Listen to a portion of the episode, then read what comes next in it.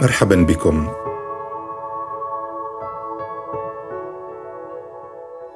مرحبا بكم في بودكاست ورق. أحدثكم في هذه الحلقة عن كتاب أيامي مع جورج طرابيشي للكاتبة والروائية والمترجمة وزوجة جورج طرابيشي ورفيقة دربه هنريت عبودي.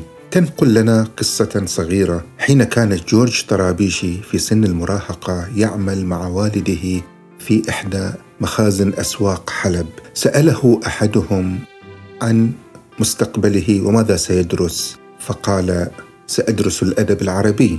فرد هذا الشخص ساخرا أنت مسيحي فما دخلك باللغة العربية وآدابها؟ هنا خرج جورج طرابيشي عن طوره ورد بانفعال ووقاحة لولا عطاء اللغويين المسيحيين في القرن المنصرم لكنا نتكلم الآن بلغة عربية شبه تركية. وأنا أقول لولا جورج طرابيشي لما تمكنا من فهم تراثنا على نحو آخر يختلف عن الفهم الذي قدمه مثلا محمد عابد الجابري. لولا جورج طرابيشي لتعذر علينا أيضا فهم خفايا كثيرة في هذا التراث. أنا شخصيا لم أفهم قضايا كثيرة في في, في تراثنا وفي فلسفتنا. لولا قراءتي لجورج طرابيشي حين كتبت رثاء جورج طرابيشي في 2016 وهو العام الذي توفي فيه كان عنوان المقالة ماذا تعلمت من جورج طرابيشي؟ جورج طرابيشي علمنا وعلمني الكثير.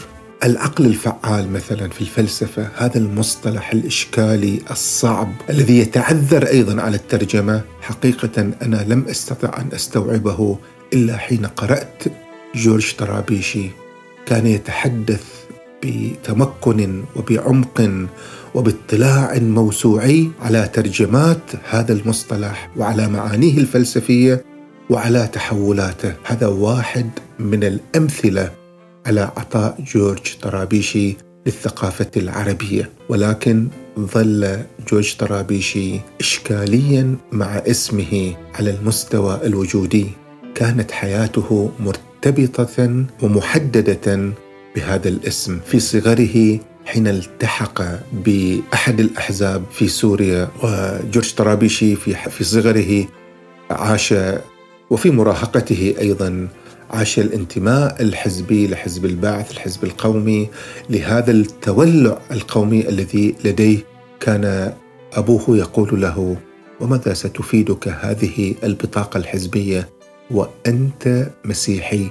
هل ستكون يوما رئيسا لدولة مثلا؟ هذا الرد كان يمثل ازعاجا كبيرا لجورج طرابيشي الذي كان متحمسا وذائبا حتى النخاع. في قوميته وفي ثقافته وفي لغته ومع كل هذه التحولات بقي عشقه لسوريا ولقوميته العربية وللغته ولتراثه كبيرا جدا. لذلك هو كان دائما يعبر ويقول أنا مسيحي بالولادة وأنا مسلم بالثقافة. في إحدى المرات وهو يعبر عن تذمراته من اسمه كان يقول لزوجته لماذا لم يختر لي والدي إلا هذا الاسم؟ اسم جدي. هل لأنني أكبر إخوتي؟ ولماذا لم يتحمل إخوتي عبء هذا الاسم؟ كان يقول ذلك بغيظ كبير لما يتعرض له من مواقف ومن تصنيفات ومن مسبقات ذهنية حين يعرف بأنه جورج طرابيشي كان الرد قويا الذي قدمته زوجته هنريت عبودي ردا يحمل نفسها الروائي والثقافي والفلسفي والترجمي لأنها كانت تصدر عن ثقافة عميقة كانت تقول له أنا سريانية أبا عن جد ومن جانب أبوي إن جذوري تعود إلى الآراميين. نعم سيدي إلى الآراميين الذين تنصروا فباتوا يعرفون باسم السريان إن سوريا أرضي سواء دعيت هنريت أو زينب أو أنديرة أو بنظير. كان ردا يحمل ثقة وانتماء معرفة عميقة بهذه الجذور التي تشتغل في الهوية. حينها لم يرد جورج طرابيشي ولكن بعد سنوات تقول فاجأني جورج طرابيشي برده. كان يقول لي أنت جذورك مغروزة في الأرض وهذا ما يجعلها راسخة ثابتة. أما أنا فأسعى إلى إرساء جذوري في مبدأ في أيديولوجيا في عقيدة أي في أرضية قابلة للتحول. لذلك تريني أعاني دائما أعاني دائما من القلق. حوار بين قامتين حوار بين عميقين. فعلا هذا هو جورج طرابيشي هذا القلق هذا الذي يبحث عن مبدأ يبحث عن فكرة يبحث عن ايديولوجيا يبحث عن مدرسة. هذا البحث المضني المقلق غير الثابت يحتاج إلى أرضية يسكن إليها. كان جورج طرابيشي يسكن إلى هنريت عبودي إلى زوجته. يسكن لها دائما طوال خمسين عاما. طوال هذا العمر المديد من رحلته المضنية لم يغادر هذه المنطقة. في هذه السيرة في هذه الأيام التي ترويها هنريت عبودي نجد الحب نجد السكينة نجد الاحتواء نجد هنريت تحدثنا عن أيام السعادة مع جورج طرابيشي وعن كيف كان يسكن إليها. حين حين اعتقل جورج طرابيشي في سوريا وفترة انتمائه إلى القومية وإلى البعث و إلى ما كان أيضا يشوب ذلك من انتماء أيضا يساري وتحولات أخرى سجن في هذه الفترة جورج طرابيشي بعد زواجه في عام 1963 وإنجابه لابنته الأولى وهي في أيامها الأولى. اعتقل ففي هذا الاعتقال سعت هنريت إلى إخراجه بكل الطرق بكل الوسائل وكان الأمر صعبا وشاقا واستغرق تقريبا أكثر من ثلاثة شهور. حين كانت تزوره كانت تحدثه حديث الثابت حديث الأرض حديث العائلة هذا ثبت روعه ثبت قلبه قلبه الذي ظل مكلوما ظل متالما وعانى في فترة السجن من مشاكل في التنفس وهذه لازمته إلى آخر عمره حين توفي في عام 1916 توفي بسبب القلب. ظل قلبه يعاني يعاني من اسمه ويعاني من آثار السجن ويعاني من هذه التحولات ويعاني من هذا القلق الذي تحدث عنه. على مستوى الاسم جورج طرابيشي لم يهدأ يوما بسبب اسمه حتى في لحظاته الأخيرة في مشروعه الأخير في مشروع نقد العقل العربي حين دخل في مساجلة عميقة مفيدة جدا وتاريخية جدا حول العقل العربي والتراث العربي مع جورج طرابيشي. مع الأسف كان يقول بألم شديد إن جورج طرابيشي آلمني حين تحدث عن مسيحيتي ولم يرد علي حين اعتبرني جورج حين أرجعني إلى الاعتراض الذي قاله لي ذلك الشخص في سوق حلب. قال أنت مسيحي فما لك؟ وما للأدب العربي؟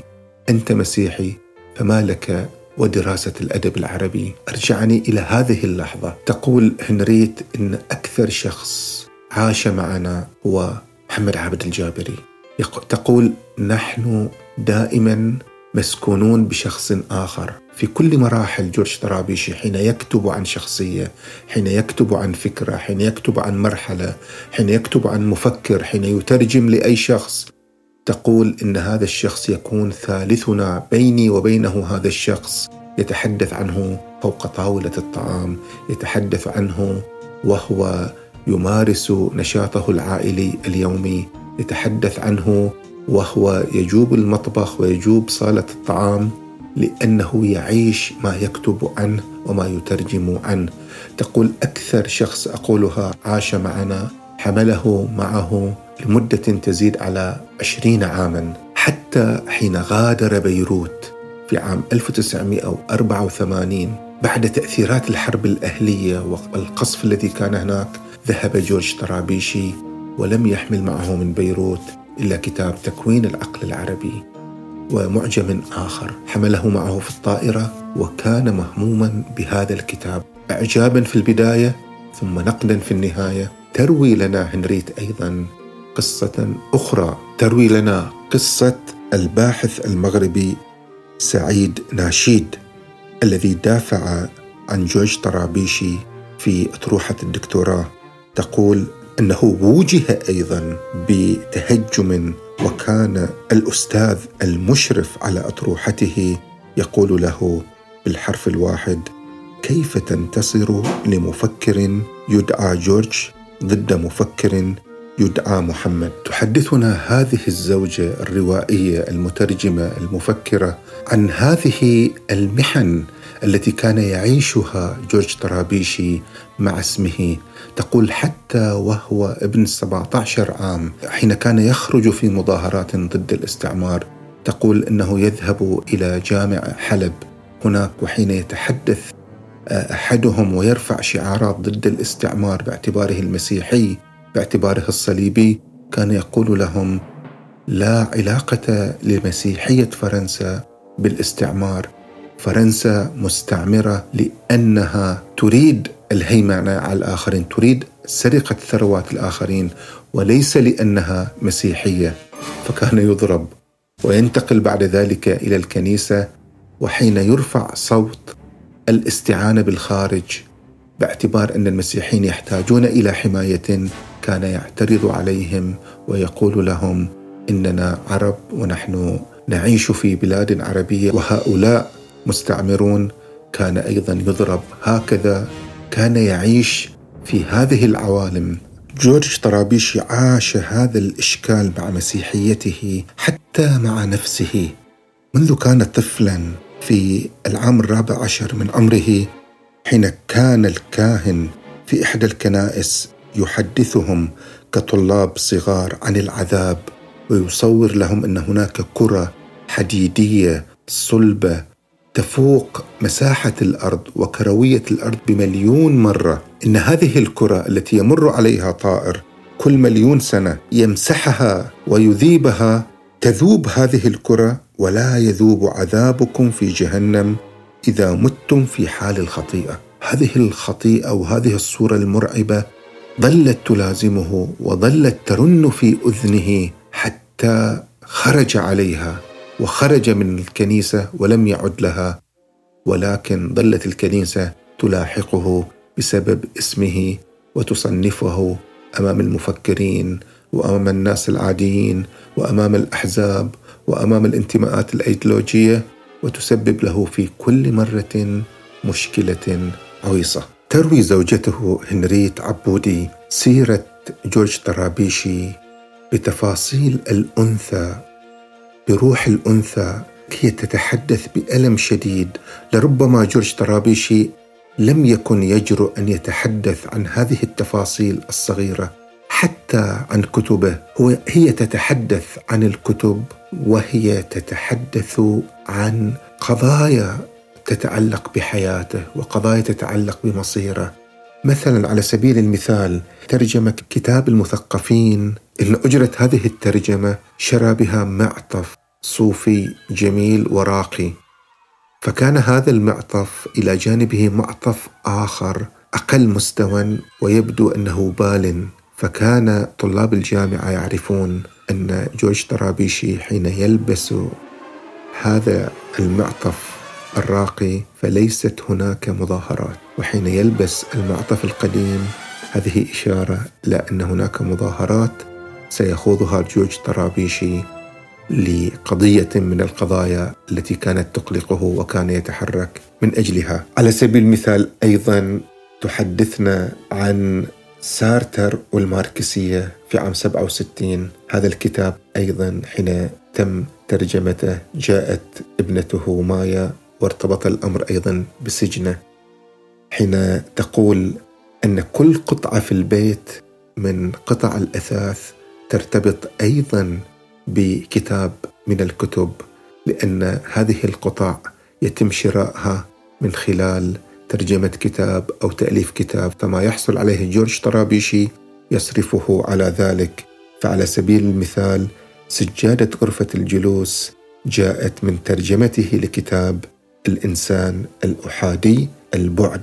كتاب الدولة القطرية والبرنامج الثقافي الذي كانت تشرف عليه هي في الإذاعة من خلالهم تم تمويل غرفة الطعام. وهكذا. وهي أيضا في الوقت نفسه تحدثنا عن الشقق الفاضية الغرف الفاضية لأن التنقلات الفكرية التي عن جورج أيضا ترافقها كانت تنقلات مكانية حين انتقل من سوريا إلى لبنان وبعد ذلك من لبنان إلى باريس في كل مرة يواجه إنشاء مكتبة جديدة.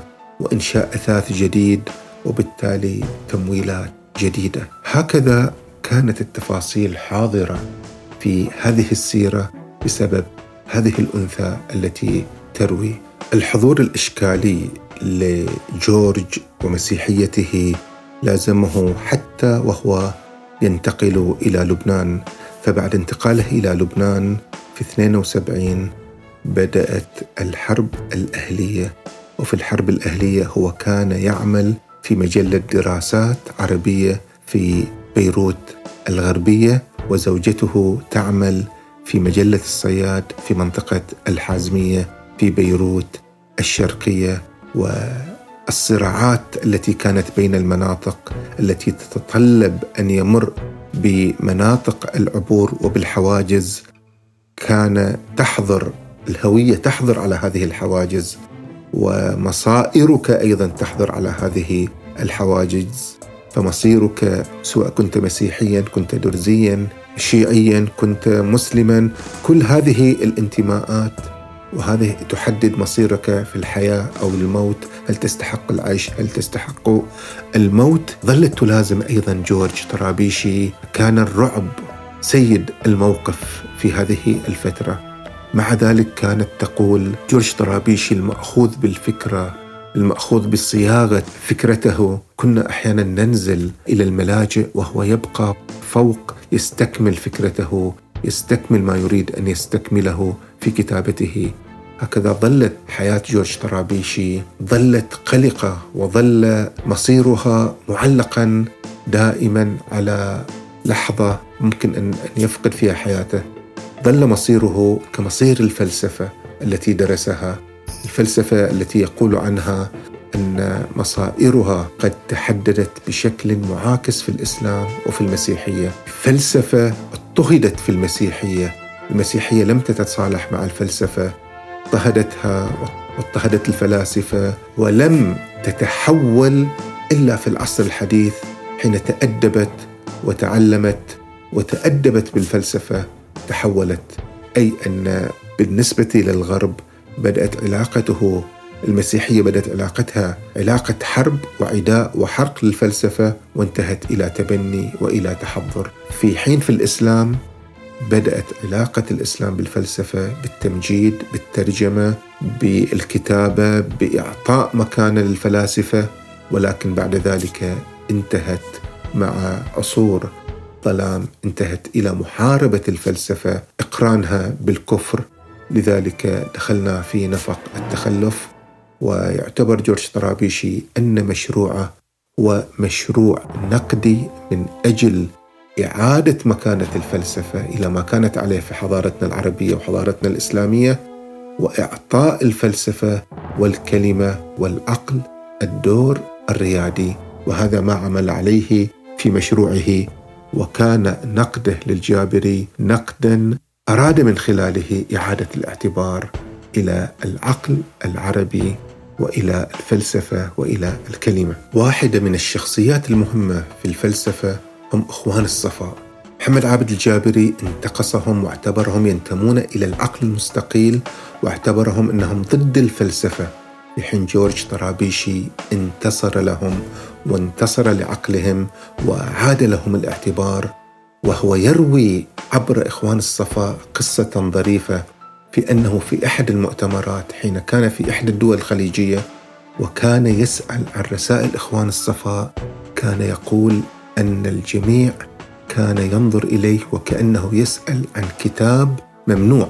وفي الحقيقة في هذه الدولة الخليجية كان كتاب إخوان الصفاء ممنوع وكان يباع تحت الطاولة. لم يصل إليه إلا بصعوبة شديدة وهذه القصة هي تروي فعلا حكاية الفلسفة ومصائر الفلسفة في حضارتنا الإسلامية. وفي وقتنا المعاصر اليوم هؤلاء إخوان الصفاء الذين كتبوا رسائلهم الممجدة للعقل والفلسفة ينتهي بهم الأمر إلى أن تباع كتبهم في السراديب توضع في السراديب ويغلق عليها وتباع تحت الطاولة. هكذا نحن صرنا وصار العقل العربي تحت السرداب.